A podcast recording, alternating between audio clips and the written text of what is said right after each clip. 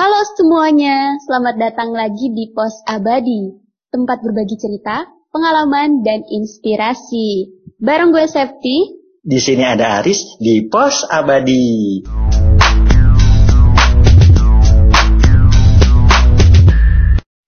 Oke, nah hari ini uh, kita mau bincang bareng. Bincang bareng, kali ini kita kedatangan tamu yang bakal cerita tentang karirnya di dunia akademik nih. Siapa itu orangnya? Langsung aja kita panggilin ya. Di sini udah ada Rafael. Halo Rafael. Halo, Rafael. Uh, sehat, Fel? Alhamdulillah sehat. Mantap. Oke, mantap. Rafael boleh dong uh, kenalin diri dulu. Oh iya boleh. Kenalin diri. Iya. Oke, okay, uh, eh, selamat malam semua. Nama saya Rafael, Muhammad Rafael Sidik, biasa dipanggil Rafael. Kalau di rumah biasa dipanggil abang sama adik-adik. Anak sulung dari lima hmm. bersaudara, cowok semua. Hmm. Sekarang posisi oh. di Bogor. Di Bogor. Okay. Di kampung di Subang sih. Terus sekarang uh, statusnya bukan mahasiswa ini udah lulus ya. Tapi oh, iya. mahasiswa baru sih, mahasiswa baru tapi belum masuk juga di S2 Okay. Oh, di di di Tokyo University. Oh, kapan nih mulai mulai uh, jadi maba nanti ke sana? Tanggal satu harus sudah di sana sebenarnya. Tapi karena pandemi satu... ini Oktober ditahan hmm, Iya Oktober, beberapa minggu lagi ya, dua minggu lagi. Mohon doanya ya. Wow. Wow. Uh, tapi tetap jadi satu Oktober atau diundur jadi sampai kapan gitu? Tetap satu sih. Insya Allah oh, September. Udah mau berangkat dong. Berarti kesibukannya sekarang lagi ngapain aja nih, Fel? Kesibukan ya. Kalau sekarang kesibukan ya persiapan S2 itu. Persiapan materi, terus persiapan dari uh, segi apa ya budaya mungkin ya. Karena di sana takutnya culture shock ataupun belajar bahasanya kurang gitu. Sebab pembelajaranku untuk bahasa Jepang ini kurang banget nih. Masih perlu banget untuk belajar. Jadi belajar bahasa tuh emang PR banget. Oh, mantap. Ngomong-ngomong tentang uh, eh, S2-nya nih, Vel. Kalau boleh tahu, kenapa sih Vel milih buat lanjutin uh, studi S2 gitu setelah lulus ini? Hmm. Wah, kalau ini sih berkaitan banget ya dengan dulu dunia menjalan pasca kampus. Gak apa-apa ya agak sedikit cerita ya, mungkin agak panjang. Boleh, Gak boleh. Apa. Relate banget soalnya nih sama kondisi mahasiswa tingkat akhir. Terus merasa galau kan ya, terus sering merasa insecure kalau pengalaman pribadiku sih. Ketika menjelang kelulusan, apalagi yang mungkin belum ada pengalaman industri gitu, kayak Rafael. Belum banyak ikut magang, belum banyak ikut pelatihan, terus belum dapat sertifikasi apa-apa gitu dan belum melihat peluang yang jelas akan seperti apa ke depannya dulu. Nah, kalau bicara tentang persiapan pasca kampus, nah nanti ya kita akan dihadapkan dengan tiga faktor gitu. Kebutuhan, keinginan, sama kesempatan. Kadang kita udah tahu sih apa yang kita inginkan gitu, yang sesuai passion. Dan dari segi materi cukup untuk memenuhi kebutuhan materi. Tapi kesempatannya belum ada gitu. Nah, kondisi Rafael dulu tuh, ketika menjalan kelulusan, nah, kira-kira masuk tahap akhir penelitian ya bulan Desember 2019 terus hmm. masih belum ada tuh titik terangnya untuk lanjut S2 gitu. Sedangkan cita-cita dari PPKU itu harapannya mau langsung S2 gitu. Tapi semenjak lima bulan sebelum kelulusan itu ya belum belum ada gitu bayangannya. Nanya-nanya ke dosen juga belum ada kesempatan. Dan ketika searching di internet juga waduh ini sepertinya sulit banget ya. Dan butuh modal yang nggak nggak sedikit gitu. Nah hmm. akhirnya waktu itu tuh mulai terpikir mencari informasi pelatihan dan sertifikasi. Dulu tuh nggak mau lanjut S2 lagi. Maunya lanjut ke langsung ke industri. Dan juga nekunin selain di dunia saintek. Sebab dulu tuh uh, sekarang juga sih masih punya passion di bidang human resource sama financial management. Jadi dulu itu ikut pelatihan workshop ISO dan lain-lain ketika penelitian tuh jadi di Sambi nah kemudian di Januari 2020 tuh tiba-tiba nih ada panggilan hadap dari dosen bimbing skripsi Ibu Rika Indri ya untuk lanjut S2 melalui jalur beasiswa di luar negeri. Nah, pada awalnya sih kan udah sama sekali nggak minat ya untuk lanjut S2. Karena udah serius nih merintis dunia pasca kampus. Mau masuk berkarir di industri gitu ya. Nah, pada saat itu juga saya diminta memutuskan, namun belum bisa jawab. Jadi uh, diberi waktu satu hari dulu itu untuk berpikir, merenung dan minta restu orang tua tentunya. Nah, kalau pertimbangan dulu tuh faktor keluarga ya dan faktor ekonomi juga. Jadi pada saat itu saya list apa aja prospek sama konsekuensi ke depannya gitu. Atas semua alternatif yang ada dari segi ya macam-macam lah itu mental, spiritual, ekonomi, sosial, ilmu juga. Dan dari situ saya memutuskan untuk lanjut S2. Karena merupakan irisan dari tiga tadi. Dari kebutuhan, dari segi ekonomi, ya sangat mumpuni, bisa untuk menabung juga. Terus dari keinginan, ya dapat juga menjadi akademisi dan praktisi ya. Dan juga ada kesempatan ini, mumpung ada kesempatannya, beasiswanya namanya tuh beasiswa membuka gakusho. Gitu. Hmm. Dan ketika itu ya sudah, bismillah lanjut daftar S2. Dan singkat cerita ya alhamdulillah diterima gitu. Jadi itu kurang lebih ceritanya ya bagaimana bisa sampai ke tahap ini gitu. Oh, jadi sebenarnya eh, nggak uh, udah hampir nggak kepikiran lagi ya buat lanjut S2? Dulu ya awalnya nggak mau banget dulu itu ketika Desember inget saya ingetku Desember 2019 itu aku udah nggak mau lagi lanjut S2 udah malah udah nggak hmm. itu ya nggak apply job gitu sebagian ada yang udah di, di, dipanggil gitu ya tiba-tiba lah kesempatan oh. gitu jadi lincah-lincah kita aja gitu iya iya bener karena kalau kalau ngelihat dari kirain aku Rafael itu emang udah nyiapin dari awal mau S2 dan kayak persyaratan itu udah disiapin dari awal gitu loh. No, no, enggak. oh. Jadi bener-bener ternyata agak uh, waktunya juga singkat banget ya. Iya, singkat banget emang. Oke. Oh iya, Vel. Kalau uh, sempat nyiapin. Uh, hmm? nyiapin tapi udah sampai apply habis itu tiba-tiba ya ngelihat persyaratannya sangat banyak dan butuh modal yang besar gitu ya akhirnya ya udah deh tahan dulu buat S2 gitu sih sempat nyiapin juga sih kayak TOEFL terus apa lagi ya ya cari-cari informasi terus timeline rekrutmen universitas itu dulu udah punya Hmm, oke. Okay. Jadi uh, emang tujuan awalnya kayak gitu, akhirnya dikasih jalan di awal-awal. Ya, iya bener ya. ya Ternyata dari, kan, dari sampai sampai KKN itu kan mau lanjut S2. Nah setelah KKN itu udah, aku udah mau kerja aja langsung. Nah tiba-tiba dapat kesempatan balik lagi mau S2 lagi. Tapi jurusannya sesuai gak Vel sama yang dimau? sesuai atau enggak ya ada sesuai ada enggaknya sih kan S1 ku itu tentang cendawan uniseluler ya tentang kamir mm -hmm. nah S2 ku ini tentang uh, cendawan juga tapi cendawan makroskopis jadi masih mikologi sih ilmunya tapi kalau dari segi oh. teknis penelitian itu sangat berbeda itu jadi bisa dibilang uh, bidang ilmu yang baru kalau bagi aku ya mm -hmm. Oke. Nah, Vel, kalau misalkan dilihat sendiri mungkin nanti yang denger ini nggak cuma dari tingkat akhir ya, bisa jadi kayak uh, uh, adik-adik tingkat kita juga. Sebenarnya uh, ada gak sih hal, uh, karena Rafael juga udah sempet nyiapin ya, apa aja sih yang disiapin buat bisa dapat beasiswa S2 gitu? Nah, beasiswa S2 yang pertama, yang secara garis besar sih ya, bisa aku simpulin ada dua persiapannya ya persiapan materi sama persiapan imateri. Kalau misalnya persiapan yang imateri kayak persiapan mental aja ya pokoknya teman-teman harus sedia untuk pasang badan, pasang pemikiran, pasang waktu buat ngejar tuh tujuan teman-teman kalau misalnya mau dapat S2 karena dapat S2 itu nggak gampang teman-teman ya. Ah, nggak gampang butuh kayak persiapan mental terutama ya.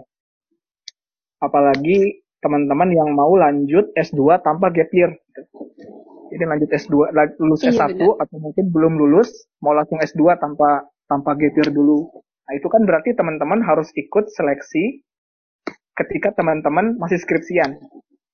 Bahkan ketika teman-teman belum selesai penelitiannya, itu udah mulai timeline rekrutmennya. Dan teman-teman itu bersaing dengan orang-orang yang mungkin udah dua tahun, udah satu tahun mempersiapkan itu. Nah, jadi yang pertama itu memang persiapan mental. Itu teman-teman juga harus gesit. Terus yang kedua persiapan persiapan materi. Nah persiapan materi ini ya bisa berupa tadi modal karena ikut TOEFL, terus itu ikut TOEFL, terus kalau mau ke Jepang itu ada JLPT, Japan Language Proficiency Test. Nah itu nggak nggak murah teman-teman, itu bisa jutaan, dua jutaan ke atas. Nah itu butuh modal dan keluarnya pun nggak hari ini kita booking, besok tes, besok lusa keluar hasilnya nggak gitu. Hasilnya itu bisa berminggu-minggu baru keluar. Jadi uh, bagi teman-teman ya tadi yang uh, masih ada waktu, mungkin masih tingkat dua, masih tingkat tiga, ya teman-teman uh, yang pertama bisa teman-teman lakukan itu cari timeline open beasiswa itu. Jadi teman-teman sesuaikan dengan kalender teman-teman. Nah nanti oh ternyata uh, bulan Januari itu yang buka beasiswa ini gitu. Terus di bulan Februari itu beasiswanya ini. Terus juga pelajari apa persyaratan yang diperlukan. Biasanya tadi TOEFL dan lain sebagainya. Dan yang tidak kalah pentingnya itu uh, teman-teman harus cari apa ya? Kalau misalnya beasiswa aku kan namanya Monbuka Gakusho ya. Nah, iya. beasiswa pemerintah Jepang itu harus kita cari koneksi dari universitas tujuan kita. Jadi kita harus punya dulu koneksi di universitasnya. Nah, kita perjuangin profesor di sana untuk profesor tersebut merestui kita untuk kuliah di sana gitu. Jadi semacam kayak promotornya gitu loh. Nah teman-teman oh. menghubungi dosennya tadi, teman-teman jalin koneksi yang baik sehingga ya tadi dipermudah oleh dosennya dan diperjuangkan juga oleh dosennya untuk kuliah di universitas dia di misalnya di Jepang gitu. Gitu. Jadi ada saya ringkas lagi ya, ada dua persiapan uh, imaterial tadi persiapan mental, terus yang kedua persiapan material bisa berupa uang ataupun uh, ya pokoknya penunjang-penunjang untuk melengkapi persyaratannya. Oh ya dan yang gak kalah penting teman-teman uh, jalin koneksi yang baik dengan dosen-dosen departemen biologi karena banyak hal ya banyak informasi-informasi uh, dari dosen itu yang tentang lanjut beasiswa ini. Ya teman-teman cuma perlu uh, berkomunikasi dengan baik ya dengan dosen-dosen gitu. Sehingga ketika kesempatan itu datang di forum dosen misalnya, jadi dosen itu teringat oleh teman-teman dan langsung menghubungi teman-teman gitu. Jadi koneksi dengan dosen juga, jalin silaturahmi dengan baik dengan dosen itu gak kalah penting. Oke, mental dan materi ya. Ngomong-ngomong, berapa lama Vel nyiapin materi itu? Mulai dari uh, TOEFL, terus kayak uh, mungkin eh, hal-hal yang dibutuhin lain itu. Oh gitu. Uh, kalau misalnya aku ya, kalau yang aku kalau yang didapetin sekarang itu nama beasiswanya beasiswa membuka Gakusho atau Max yang special program namanya itu University to University Recommendation. Nah, uh, biasanya itu punya timeline tersendiri. Kalau beasiswa ke Jepang ini dari pemerintahan Jepang ini ada dua jenis. Ada tadi yang aku sebut yang U2U, ada yang G2G yang government to government. Gitu. Nanti uh, Pavel jelasin dari yang U2U ya. Kalau yang U2U ini itu punya timeline sendiri per universitas itu bisa beda. Biasanya, oh bukan biasanya ya. Kalau kemarin Rafael itu bukannya Januari, Januari open registration, terus Februari full satu bulan itu seleksi, terus Maret udah ada pengumumannya. Itu jadi uh, ditanya persiapannya bisa, ya satu bulan lah kira-kira persiapan itu untuk melengkapi semua berkasnya, termasuk rekomendasi, terus uh, persiapan untuk ya syukur-syukur kalau lolos seleksi berkas terus lanjut seleksi berikutnya, seleksi terakhirnya itu wawancara. Wawancaranya itu oleh beberapa profesor via Skype itu, oleh orang Jepangnya. Dan di sana itu ketika interview, kita itu seperti seminar hasilnya S1 dan kolokiumnya S2. Nah, jadi kebayang tuh harus ngepres dua hal itu. Dalam penelitian aja belum selesai udah disuruh seminar hasil gitu. Terus belum selesai skripsi harus udah bikin kolokiumnya S2 Nah, gitulah. Waduh. Mentalnya teruji banget di situ tuh. gitu. Terus iya iya iya. Meskipun udah keluar banyak gitu untuk TOEFL, untuk satu lagi medical check up ya dan itu jutaan medical check up tuh ratusan ribu sih tujuh ratus dong ya medical check up dan itu belum tentu kita lulus gitu itu yang the most apa ya ya kita ambil resiko gitu. Kita mengeluarkan banyak untuk sebuah ketidakpastian. Gitu. meskipun kita udah direkomendasin sama dosen di IPB kita belum tentu diterima gitu. Karena masih ada rangkaian seleksi oleh universitas sana terus sama pemerintahan sana. Oh, panjang banget kan berarti uh, prosesnya gitu. Jadi kayak kalau teman-teman emang udah pengen banget dapat beasiswa berarti kalau bisa materi-materi yang tadi itu udah disiapin dari awal ya. Apalagi TOEFL ya, TOEFL itu kemarin apa ya namanya harus yang ngebert banget itu TOEFL. oh. Terus kalau uh, harus berapa gitu, TOEFL-nya?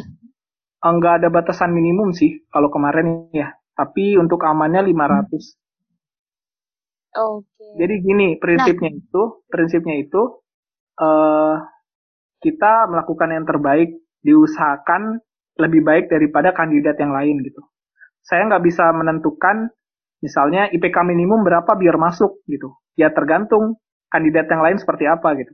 Kalau kandidat lain Eh, rata-rata uh, 3,2 kalau misalnya IP kamu 3,5 berarti kamu masuk standar atas so, begitu pula dengan TOEFL gitu kalau misalnya TOEFL kalau aku bilang 500 terus saingannya cuma 400 misalnya tuh 400-an TOEFL-nya berarti kamu unggul nah tapi kalau misalnya kamu punya TOEFL 500 terus sainganmu 550 ke atas ya berarti nggak cukup itu fluktuatif sih tergantung sainganmu gimana nanti Iya, ya, peluangnya ya. Tapi ngomong-ngomong kayak uh,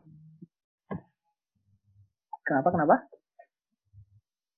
Iya, ngomongin tentang IPK juga nih. Buat uh, ikut beasiswa ini, apakah prestasi selama kuliah itu sangat berpengaruh, Fel? Sangat berpengaruh atau enggak ya? Uh, gimana ya? Bisa dibilang iya, bisa dibilang enggak gitu.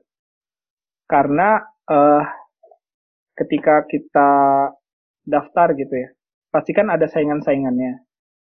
Terus rebutan rekomendasi dari dosen. Kan ketika misalnya ada beberapa mahasiswa yang sama, apply beasiswa yang sama, dosen atau promotor tersebut pasti menyeleksi kan. Nah, salah satu instrumen penyeleksinya itu bisa IPK, bisa TOEFL gitu. Tapi jangan itu teman-teman jangan uh, minder ya. Kalau misalnya uh, teman-teman misalnya IPK-nya nggak bagus-bagus amat misalnya nggak sampai tiga nggak sampai 3,5 ke atas nggak apa-apa apply gitu mungkin teman-teman punya keunggulan yang lain misalnya di skill penelitian ataupun mungkin keunggulan koneksi ya teman-teman udah punya jaringan sehingga mempermudah teman-teman terus teman-teman udah dikenal sama dosen sehingga dosen lebih mudah merekomendasikan teman-teman nah itu menjadi apa ya uh, privilege tersendiri gitu oke okay. Kalau misalkan uh, pengalaman kita ikut satu kegiatan dalam berarti kayak aktif lah ya, aktif uh, kegiatan organisasi atau volunteer kayak gitu. Itu apakah bisa jadi tambahan nilai? Atau memang kalau buat beasiswa S2 itu full dilihatnya dari sisi akademik, prestasinya, terus kita ikut acara ikut ikut.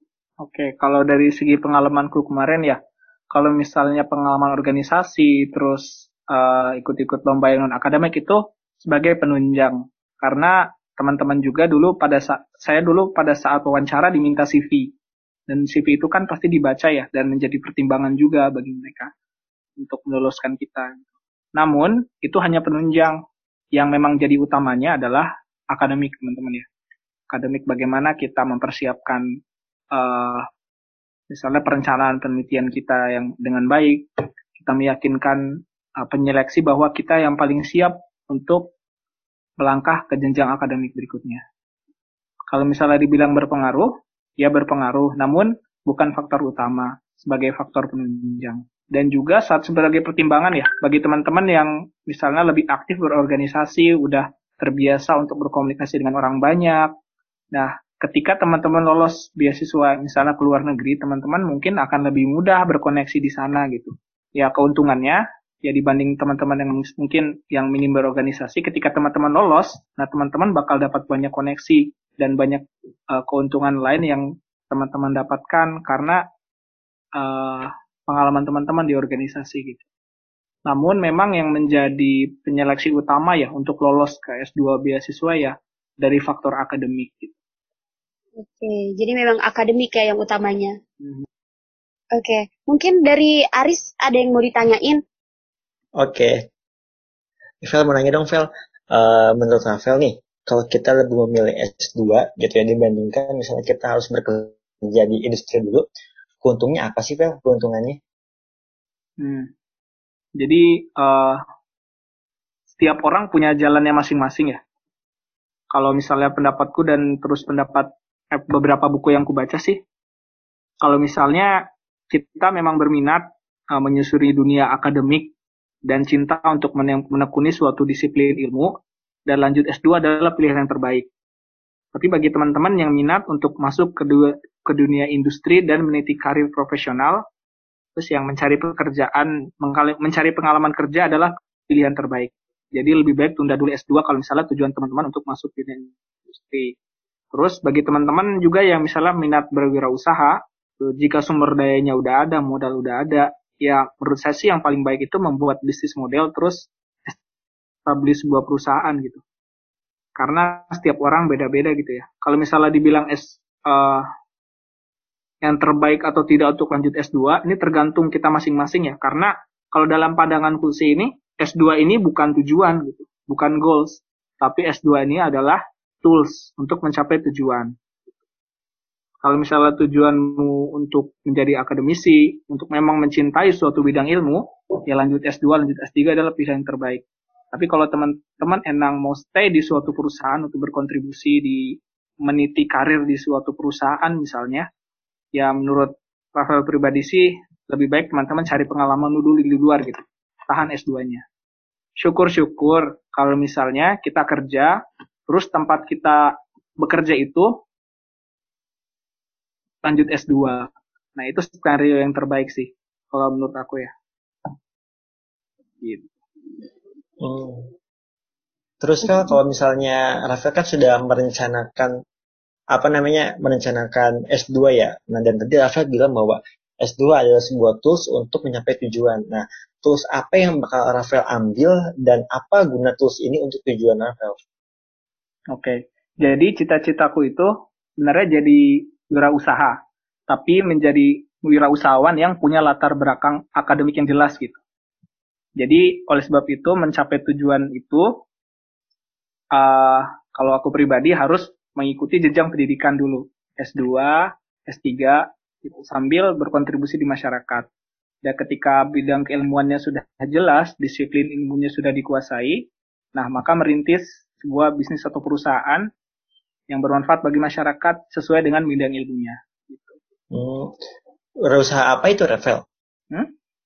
Kalau mau kalau ya. boleh tahu wirausaha apa, Rafael rencananya? Ya, bidangku sih kan bidangku kan sekarang mikologi ya, mikologi. Kalau penelitianku yang aku ajukan di Totor University itu terkait apa ya, edible mushroom, terkait travel kayak gitu semacam ectomycorrhiza.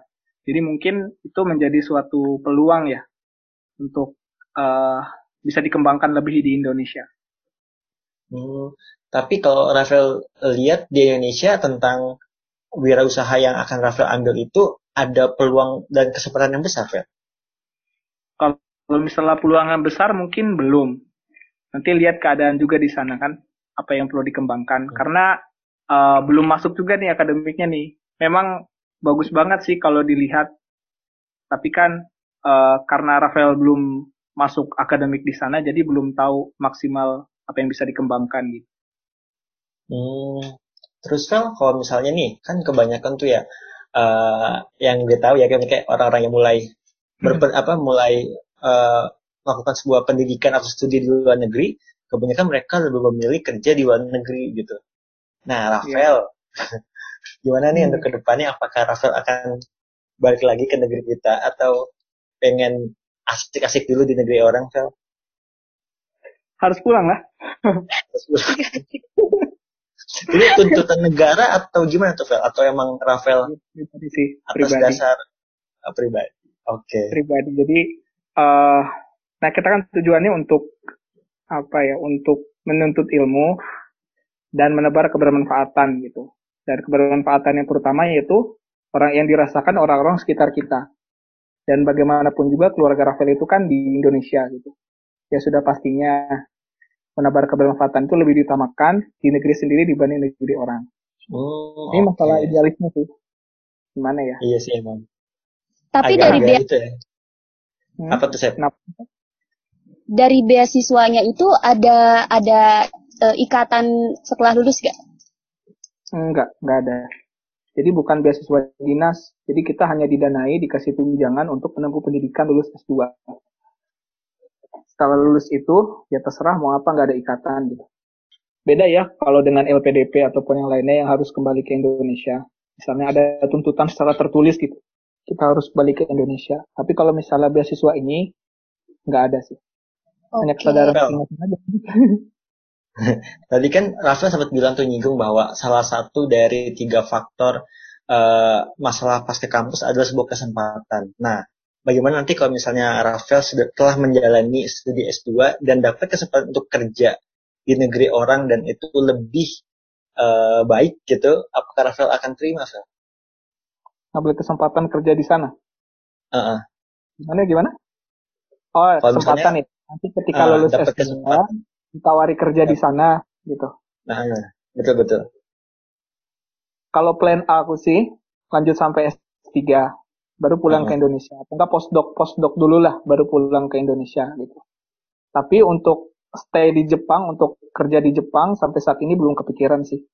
Dan memang mau pulang di Indonesia dan salah satu tujuan aku untuk ngambil S2 di sana karena ya mungkin bisa nabung gitu karena lumayan besar sih beasiswanya jadi bisa nabung ketika S2 lulus pulang ke Indonesia itu udah punya modal untuk buka usaha Hmm, kalau ngomongin nabung untuk modal usaha, yang Rafael perhitungkan setiap bulan Rafael bisa menyisihkan berapa dari uang beasiswa itu, Fel? waduh waduh Kepo saya. jadi lumayan sih eh, apa ya kalau teman-teman baca beasiswa Momuka Gakusha atau Max ini untuk S2 itu dapat eh, tertulisnya ya yang udah tertulis itu 144.000 yen per bulan itu di luar biaya administrasi pendidikan biaya SPP itu hanya untuk tunjangan kita aja gitu 10 juta Kalau- ya? kalau dirupiahkan 144.000 Oh, yen itu Berapa? 20-an juta lah 20-an juta juta. Untuk satu bulan? untuk satu bulan Buat jajan doang? Iya. Terus ya kebutuhan di sana kan beda dengan Indonesia ya. Nah mungkin 50% dari Ah. itu ataupun 40% dari itulah setiap bulannya bisa disisihkan. Kan dari situ kan udah dapat modal itu. Ketika nanti skenario-nya belum bisa lanjut S3, harus pulang ke Indonesia misalnya, ya setidaknya udah punya modal gitu untuk melanjutkan hidup. Wih, gimana ya? ya gitulah itu kan plan A, plan B, plan C ya. Heeh. Ya tapi setidaknya dengan beasiswa yang seperti ini ya menurutku sih bagi aku pribadi sih dan setelah survei emang overwhelm gitu ya. Kalau misalnya kita Hmm. nggak boros, insya Allah kita bisa nabung pulangnya. Dan juga Amin. berkontribusi lah untuk keluarga misalnya gitu. Iya, BTW soalnya kayak eh, informasi-informasi gitu kayak sekali makan di Jepang itu kayak bisa 80 ribu, 100 ribu gitu untuk satu makanan yang istilahnya eh, standar lah gitu ya. Mungkin kalau yang hemat pasti ada lah ya. Itu oh berarti Tergantung wilayah. Indonesia. Oh wilayah. Kalau wilayahnya Rafael gimana tuh? Wilayahku itu di pedesaan. Jadi prefektur atau mungkin setingkat Totori ya? provinsi di Indonesia gitu ya. Totori University. Jadi Totori itu eh, jumlah penduduknya nggak banyak. Terus eh apa ya? Tidak banyak ke mall-mall kayak gitu. Jadi kemungkinan untuk hematnya itu besar dibanding ke eh, prefektur kayak kayak Tokyo gitu. Yang sekali makannya bisa sampai 100 ribu tadi. Hmm, iya. ya kalau misalnya di kalau kita hemat mungkin ya di ya bisalah nabung insya Allah meskipun nggak banyak gitu. tapi insya Allah cukup sih buat jaga-jaga nanti Oh, Rafael nanti pas di Jepang mau bikin YouTube nggak kayak Jeremy Pauline itu? Belum kepikiran. Lumayan, Fel. AdSense. AdSense. Mungkin ya, tapi nggak tahu sih belum kepikiran itu sekarang. Iya bener. Lumayan juga ya. Tapi berangkatnya jadinya kapan, Fel? Nah, ini Betul, sebenarnya tanggal 8, tanggal 8 September kemarin berangkat perencanaan awal kita. Namun di awal bulan kan WNI dilarang untuk masuk ke 56 negara, termasuk di Jepang. Ya. Nah, itu yang pengaruhnya adalah ke visa kita. Kita udah siap berangkat, tapi kita belum dapat lisensi visa. Kan berangkat di sana harus buat visa kan ya? Gitu. Iya. Jadi sekarang masih dalam tahap proses pembuatan visa. Ya mohon doanya semoga September ini udah bisa berangkat sehingga uh, 1 Oktober tetap bisa ikut akademiknya di Hmm. sana. Amin. Wow, berarti nanti ketika podcast ini rilis kayaknya Rafael udah di Jepang ya? Widih. Oh, iya. Oh iya, Fel. Eh, nanti Rafael ke sana itu nyewa tempat lagi atau emang ada dormitorinya gitu? ada dormitorinya, ada asrama Hmm. internasional. Udah disiapin Dan gitu ya dari kampus ya? Ya, karena pandemi ini kita harus karantina dua Hmm. minggu, dua minggu di hotel dekat bandara, terus satu minggu di asrama. Oke. Nanti juga Saya tahun sih- pertama di asrama sih, kayak di IPB. asrama ya bagi mahasiswa ya ada asrama di sana. Hmm, Eh, oke. Kalau misalnya untuk yang internasional kayak Rafael nih sekolah di Totori University, nah itu tuh kan eh, biasanya yang gue tahu ya suka ada penambahan waktu itu tuh waktu pas misalnya kita menjalani studi S2 di sana. Apakah Rafael juga ada penambahan waktu gitu? Nggak seperti pada umumnya S2. Hmm, iya, kelas bahasa ya.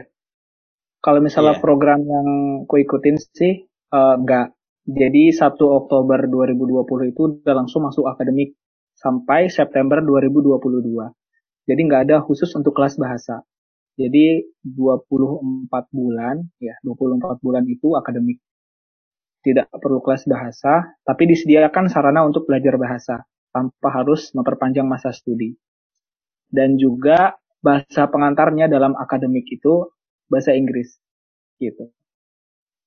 Hmm, berarti Rafael eh, diwajibin nggak belajar bahasa Jepang? Wajibin ya? Tetap diwajibin.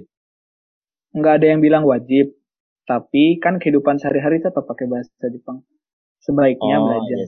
Dan Rafael pun persiapan dengan serius belajar bahasa Jepang. Oh, Oke oke. Kayak dulu kayak ada wajib gitu ya? Berarti nggak ada ya? Enggak. Kan biasanya Oke, nambah satu semester atau beberapa bulan ya, ini enggak. Langsung akademik. Oke deh. Septi ada lagi nggak Sep? Oh, mau mau tanya dong. Sebenarnya nggak nanya sih lebih kayak eh bagi tips and triknya ala Rafael nih buat teman-teman mungkin yang udah lulus tapi masih perjuangin buat bisa dapat beasiswa atau bahkan buat eh, adik tingkat kita nih yang udah pengen persiapin dari sekarang. Hmm, gimana ya? Eh, pandanganku ya, ya, ini belum tentu relevan dengan teman-teman. Mungkin satu-satu ya, kalau misalnya buat eh adik tingkat, buat teman-teman 54 ke bawah, intinya mah eh, semangat, jangan sampai terjebak di pemikiran overthinking ya. Memang ter- terkait masa depan itu kalau misalnya kita pikirkan emang banyak yang nggak pastinya dan sering bikin stres gitu. Tapi itulah namanya proses. Kita berpikir itu tanda bahwa kita peduli sama masa depan kita. Namun uh, alangkah bijaknya kita berorientasi pada proses bukan pada hasil. Jadi kita maksimalkan aja yang bisa kita perjuangkan sekarang.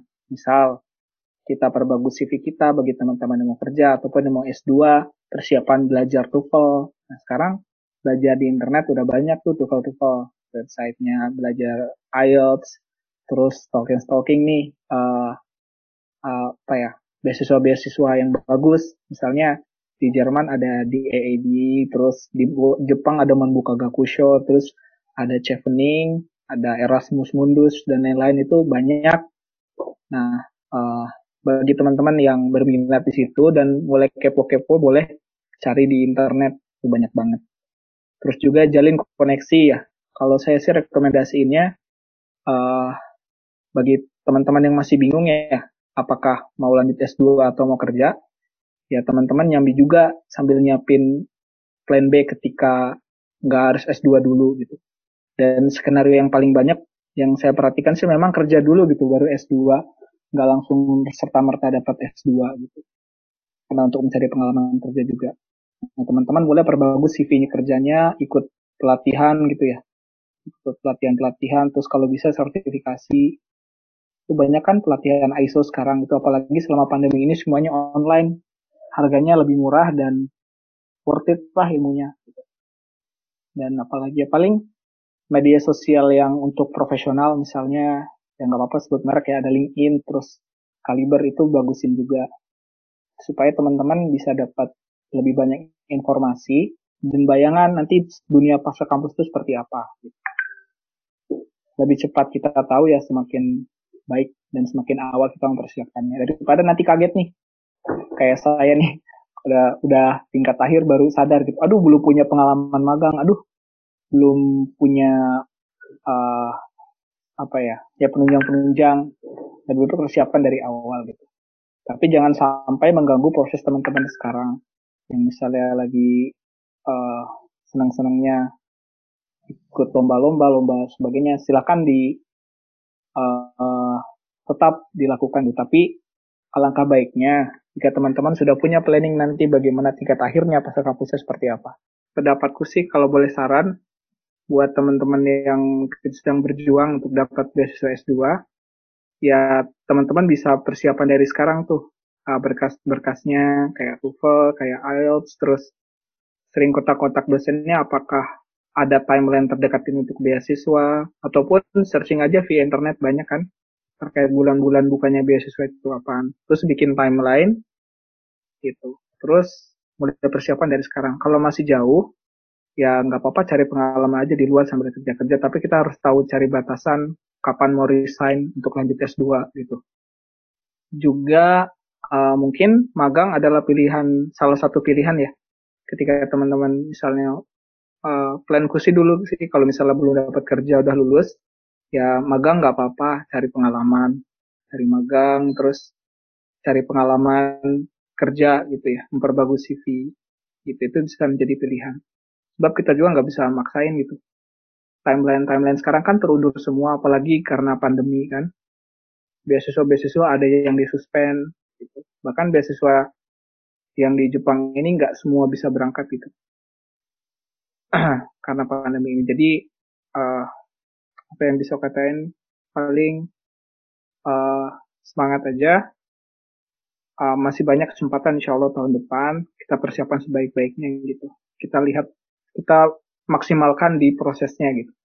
Untuk hasil nanti itu mah urusan belakangan. Yang penting kita berusaha dulu maksimalkan. Nanti insya Allah hasil akan sesuai dengan ikhtiar yang kita lakukan. Mantap. Itu ada yang aku uh, highlight gitu loh. Yang bagian kalau S2 itu bukan tujuan. Ya. Iyalah, Bener terus kalau S2 tujuan, kalau udah S2 terus ngapain? itu dia, mungkin orang-orang juga banyak yang uh, awalnya nggak sadar gini kayak aku gitu. Oke, kalau gitu makasih banyak banget Rafael buat hari ini udah sharing banyak banget ilmunya, banyak banget pesan-pesannya yang kita dapat dari obrolan hari ini. Mudah-mudahan lancar buat pergi ke Jepang dan ya, jadi maba di sana.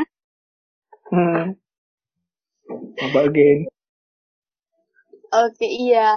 Makasih banyak sekali lagi dan mudah-mudahan teman-teman juga bisa uh, bisa dapat banyak manfaatnya dari obrolan kita hari ini. Segitu aja. Buat teman-teman jangan lupa follow Instagram kita di post.abadi dan kalian kalau punya cerita menarik atau mau request tentang suatu topik boleh DM ke Instagram atau langsung ke email postabadi.podcast@gmail.com. Sampai segitu aja, sampai ketemu di next episode. Dadah!